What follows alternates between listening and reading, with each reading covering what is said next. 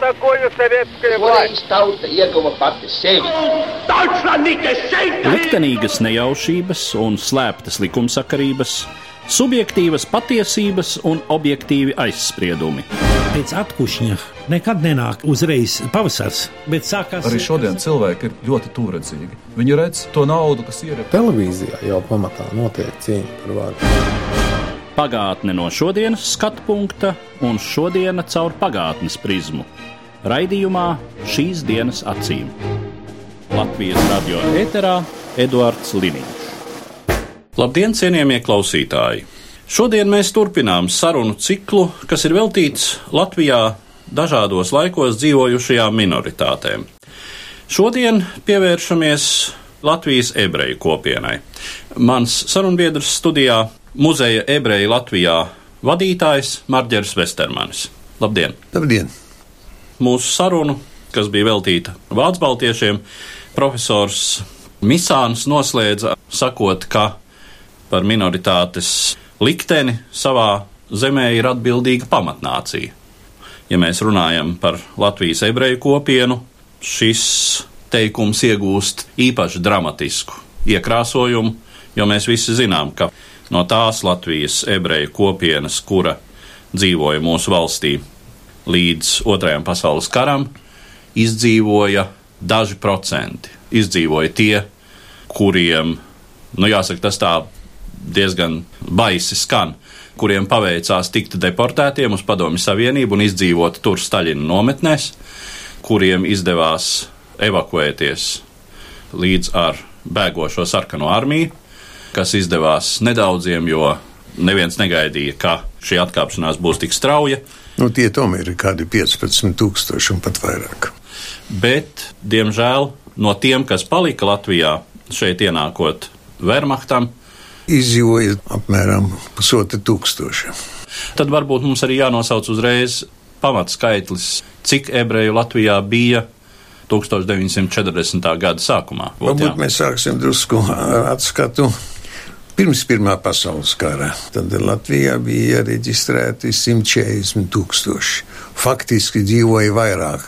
Ja ceras, kā Krievija bija vajadzīga ebrejiem īpašas atļaujas, un bez šīm atļaujām dzīvoja arī daudzi desmiti tūkstoši. Tā kā tuvu iespējams pie 200 tūkstošiem. Tad nāca karš, un 15. gadā, kad fronte tuvojās kurzemē, cara armijas virspavalnieks Nikolai Nikolaičs izdeva pavēli, ja fronte pienāk tuvāk par 50 km, visi ebreji 24 stundu laikā izraidām.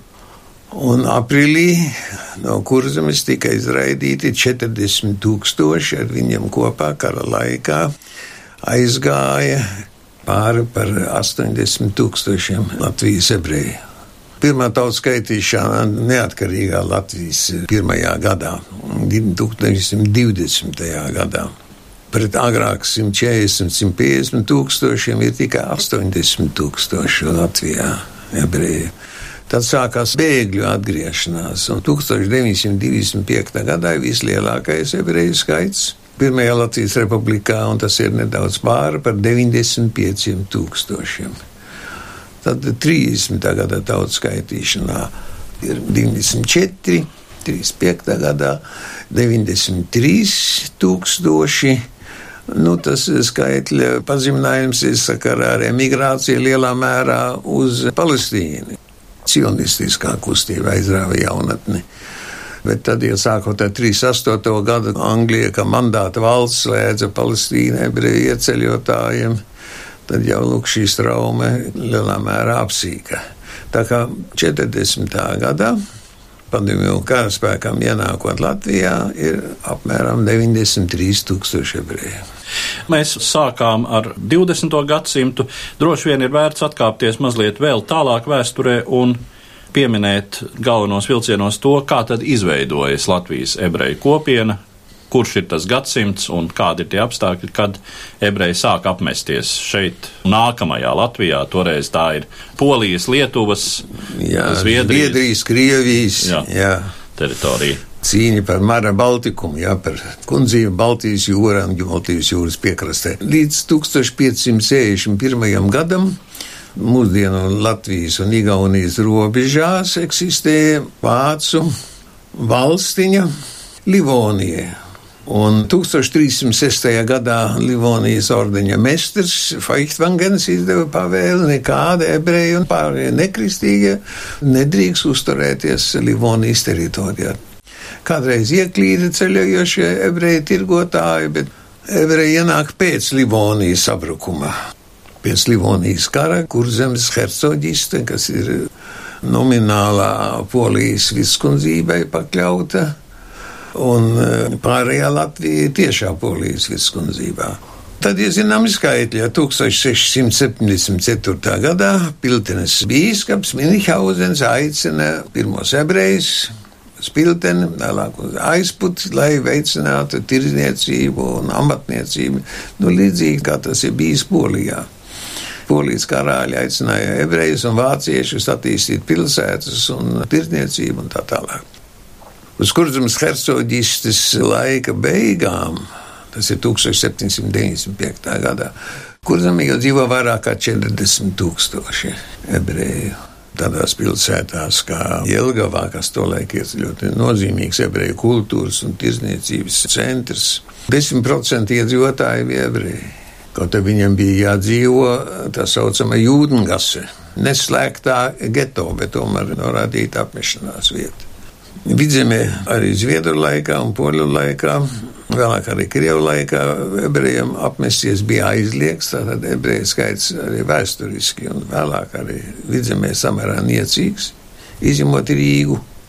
Un Latgalē ebreji ierodas kā bēgļi, ja kur zemē viņi nāk aicināti ekonomikas veicēji un lielā mērā izglītotie, turīgie, tad Latgalē tie ir bēgļi, bēg no kazaku un ukraiņu zemnieku atcelšanās, viļņa, kas saistīts ar briesmīgiem grautiņiem, un tur arī pēc 1648. gada Bogdana Hmiļickas atcelšanās ierasties ebreju bēgļi.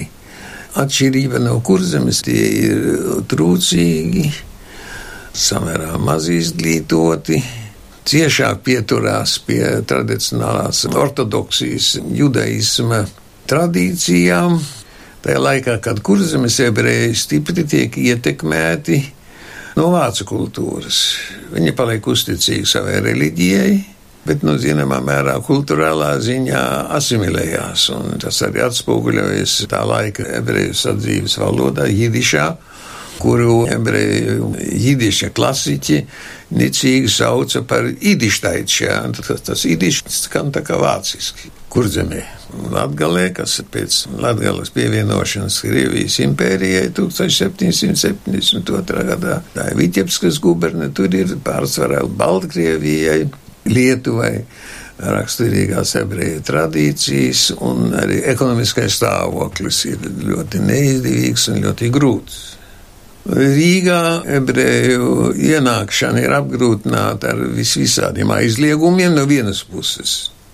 No otras puses, vācu rāte, pilsēta doma, ir ieinteresēta tirdzniecībā ar ebrejiem, kuriem svarīgi starpnieki. Leju pa dauga un nāk tas strūgas un lielaivas ar polijas precēm. Ebreji nedrīkst tās pārdot tieši tikai ar vācu starpnieku palīdzību. Un es gribētu pieminēt 1742. gadā Elizaveta Petrona, tas ir Pētera pirmā meita, izdeva likumu visiem ebrejiem, visas cara impērijas ir jāizvācās prom. Un vāciskā Rīgas rāte, kura visu laiku bija slavena savu naidīgu nostāju pret ebreju ienākšanu, ir panikā. Viņi piespiež gubernatoru steigties pie Jaunjelgavas krācēm, lai noviertinātu ebreju tirgotājus, kuri tur aizkavēti ar strūgām un lielaivām ar precēm, lai viņi neuztraucās, viss tiks nokārtos. Un Rīgas rāta sūta uz senātu, uz Pēterburgu un piekukuļo senatorus un galveniekus, lai tiktos ebrejus ielaistu iekšā. Jelizaveta Petrona ir nepiekāpīga nekādīga savu slaveno rezolūciju no Kristus ienaidniekiem negribuma gūt nekādus materiālus labumus. Ja senāts norāda, ka no tiem ebreju tirgotājiem arī valsts labi nopelnīja muitas nodevas. Un Rīgas doma kungi, nezinādam par šo carienes rezolūciju, turpina sūtīt aizkustinošas vēstules, cik labi Rīgas birģeri ir sadzīvojuši ar ebrejiem, un nekad nekāds ļaunums nav bijis, un savstarpēji ir laba sapratne bijusi. Tas ir tas tipiskais dokuments, kur es gribētu likt šo attiecību pamatā. Vienmēr ir meklējuši, un tas ir ļoti dabiski galu galā, arī ekonomiskos labumus no šiem ienācējiem.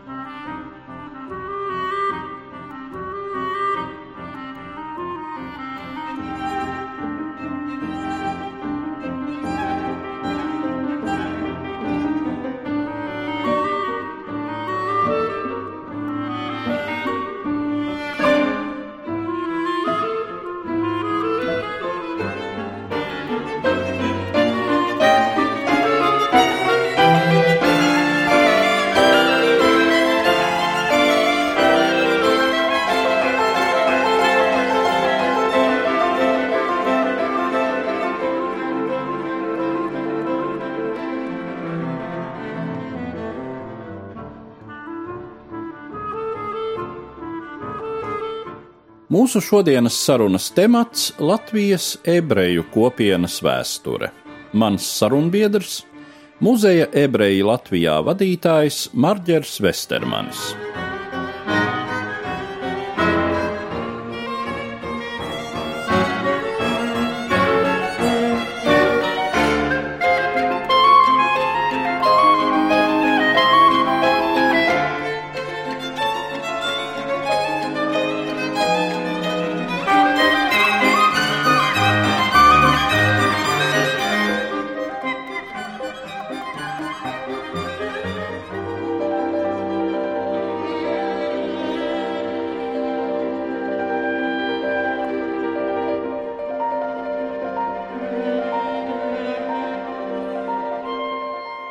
Latvieši kā pamatnācija bija politiski bezspēcīgi, viņi bija tikai vēstures un politisko spēku objekts, nevis subjekts, un ne jau viņi varēja izdot kādus likumus vai par vai pret ebrejiem.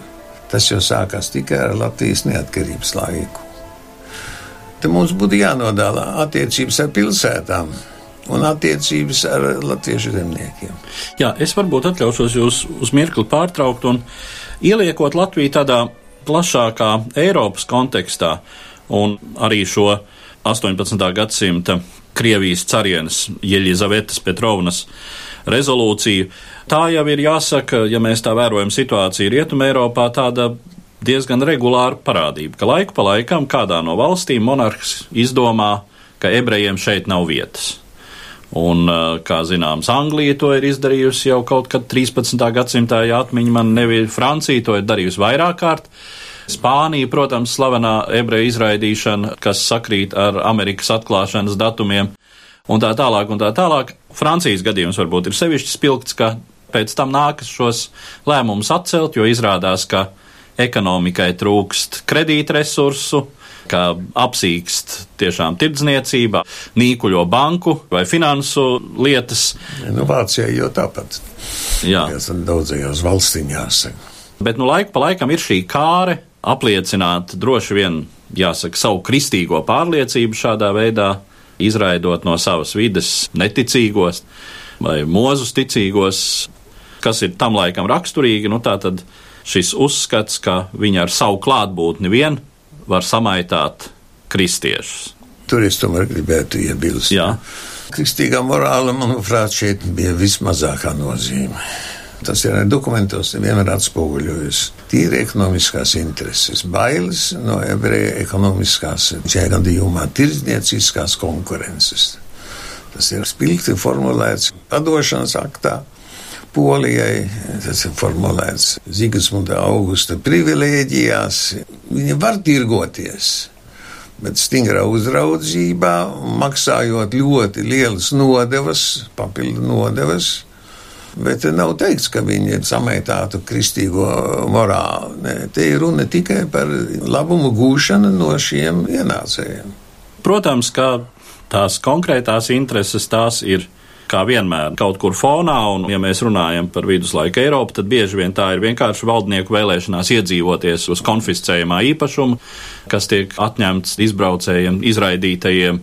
Tur arī jāsaka dažādos variantos dažādi, bet lielākoties, protams, atļauj ņemt līdzi tikai kaut kādu kustamo mantu, bieži vien neļauj ņemt līdzi arī vērtslietas vai naudu tikai zinām apjomā. Faktiski tas, kas notiek ar ebrejiem 20. gadsimtā Eiropā, nu, tas ir zināmā mērā tāds viduslaiku recidīvs. Pie tā mēs vēl nonāksim. Runājot par ebrejiem Latvijā, tiešām šī situācija lielā mērā ir tāda, ka līdz pat Latvijas valsts tapšanai, līdz Pirmajam pasaules karam, latvieši visdrīzāk var izjust un arī izjūt zinām solidaritāti ar šejienes ebrejiem, jo abas šīs etniskās grupas, latvieši un arī ebreji, ir tiesiski visapdalītākās.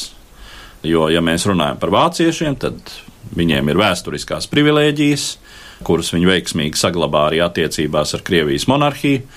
Par krieviem, cik nu viņi šeit dzīvo, krievu strādniecība, kas sāk veidoties 20. gadsimta sākumā, bet ir skaitliski samērā neliela.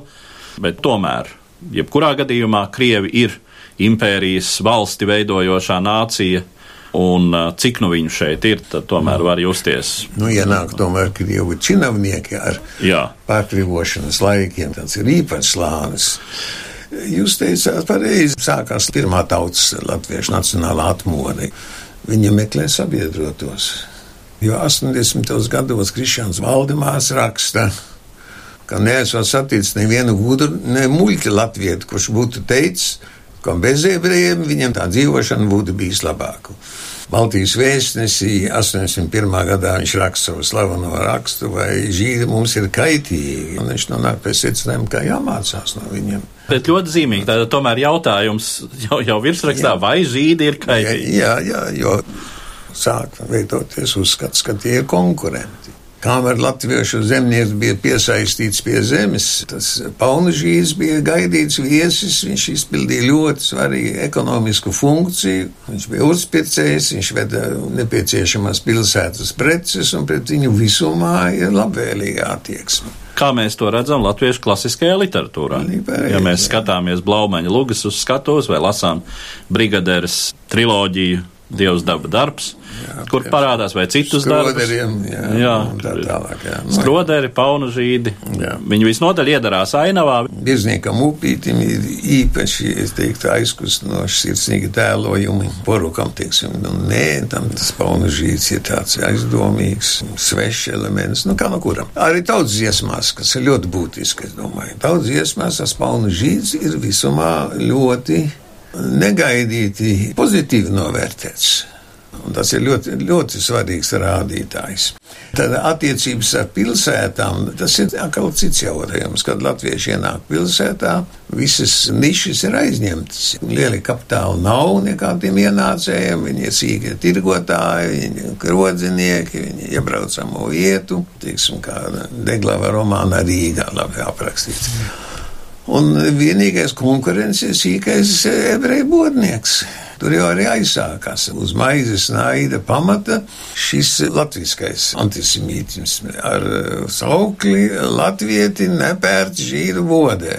Jāpērk latviešu bodē. Skaidrāk jau vairs nevar būt. Jaunstrāvnieki savā dienas lapā un Rainas to arī tā tieši nosaka. Tas ir vistīrākais maizes naids, un tāds viņš arī palika. Un tomēr svarīgos politiskos jautājumos mēģināja jau 80. gados vietējās vēlēšanās bloķēties ar ebrejiem, kuri agrāk bloķējās ar vāciešiem mazpilsētās, lai bloķētos ar latviešiem. Un pirmajā valsts domas vēlēšanās, arī kā Krievijā, un trešā valsts domas vēlēšanās patiešām. Latvieši un ebreji bija bloķējušies un kopā ievēlējuši gan pirmajā domē, gan trešajā domā ebreju valsts domas deputātus.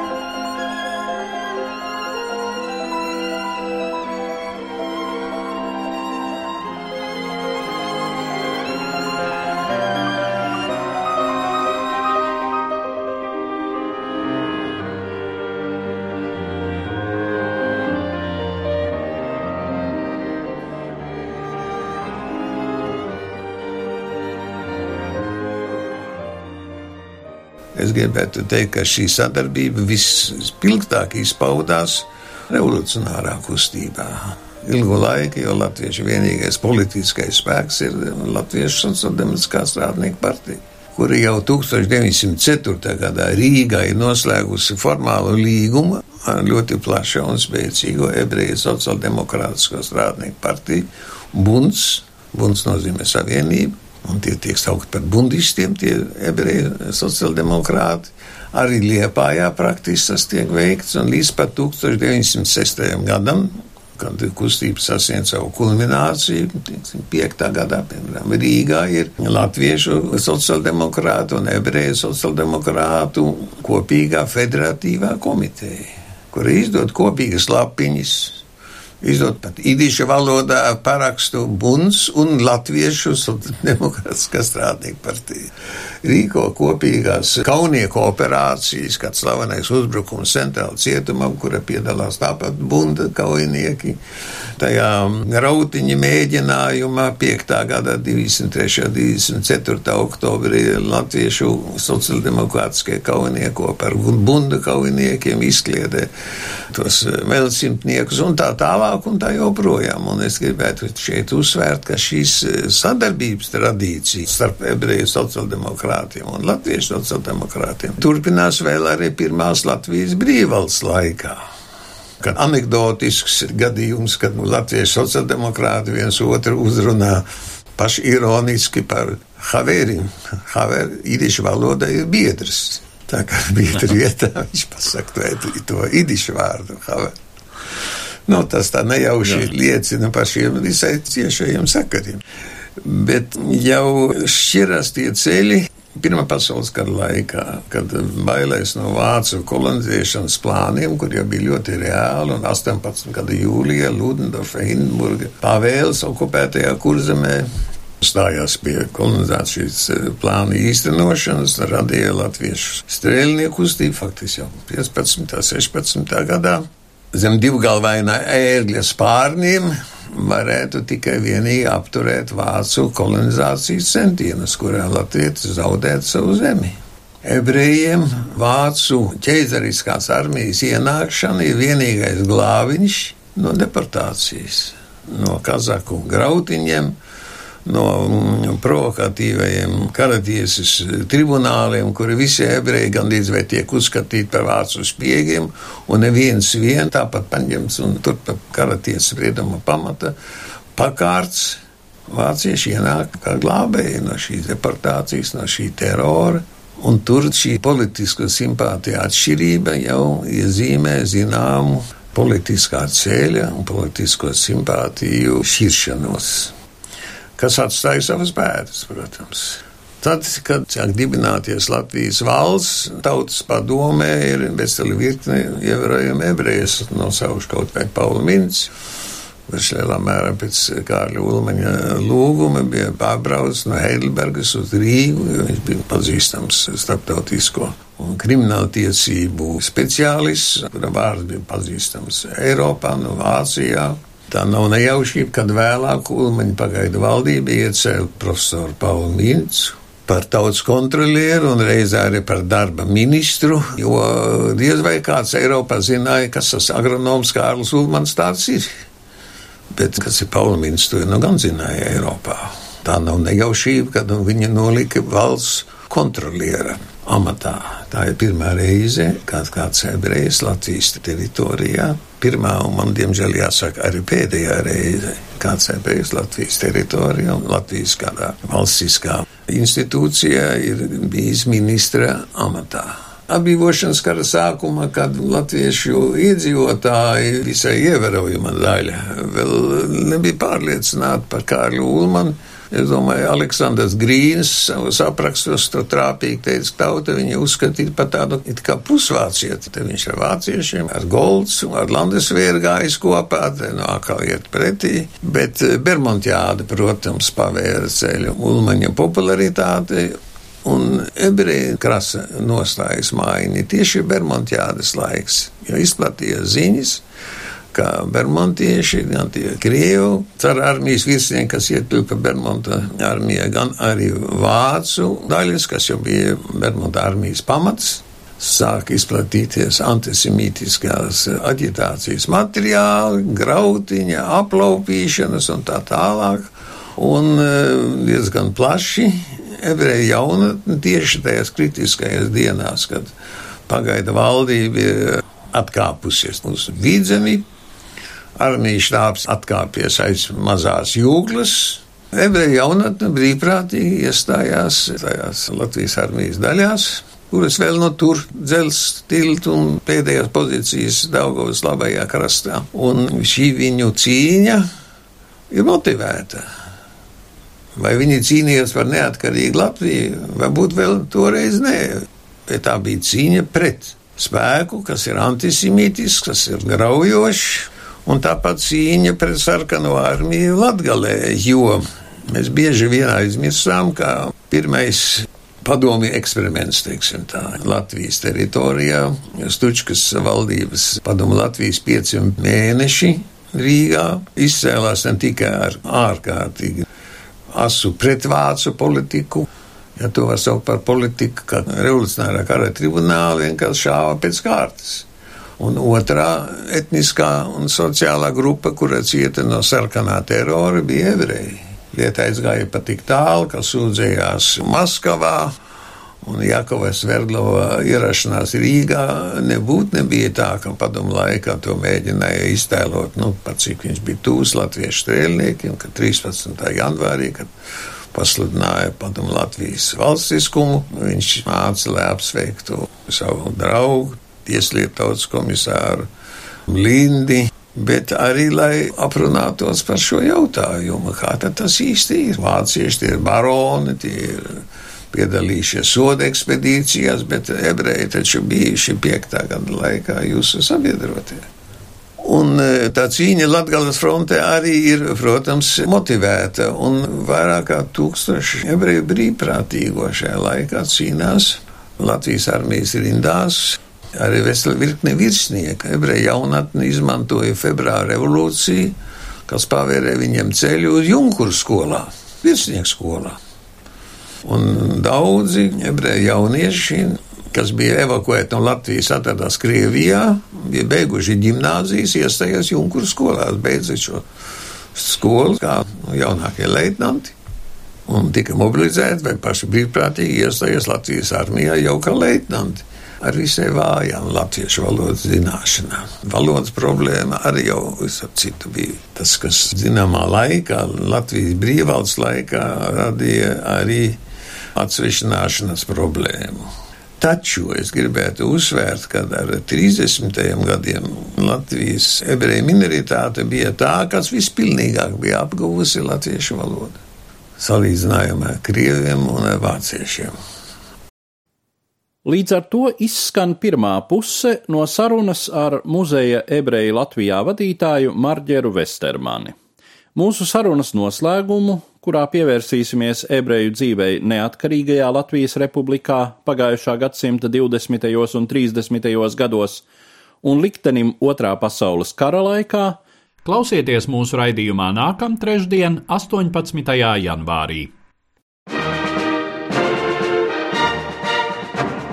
Par pagātni sarunājas Eduards Līniju.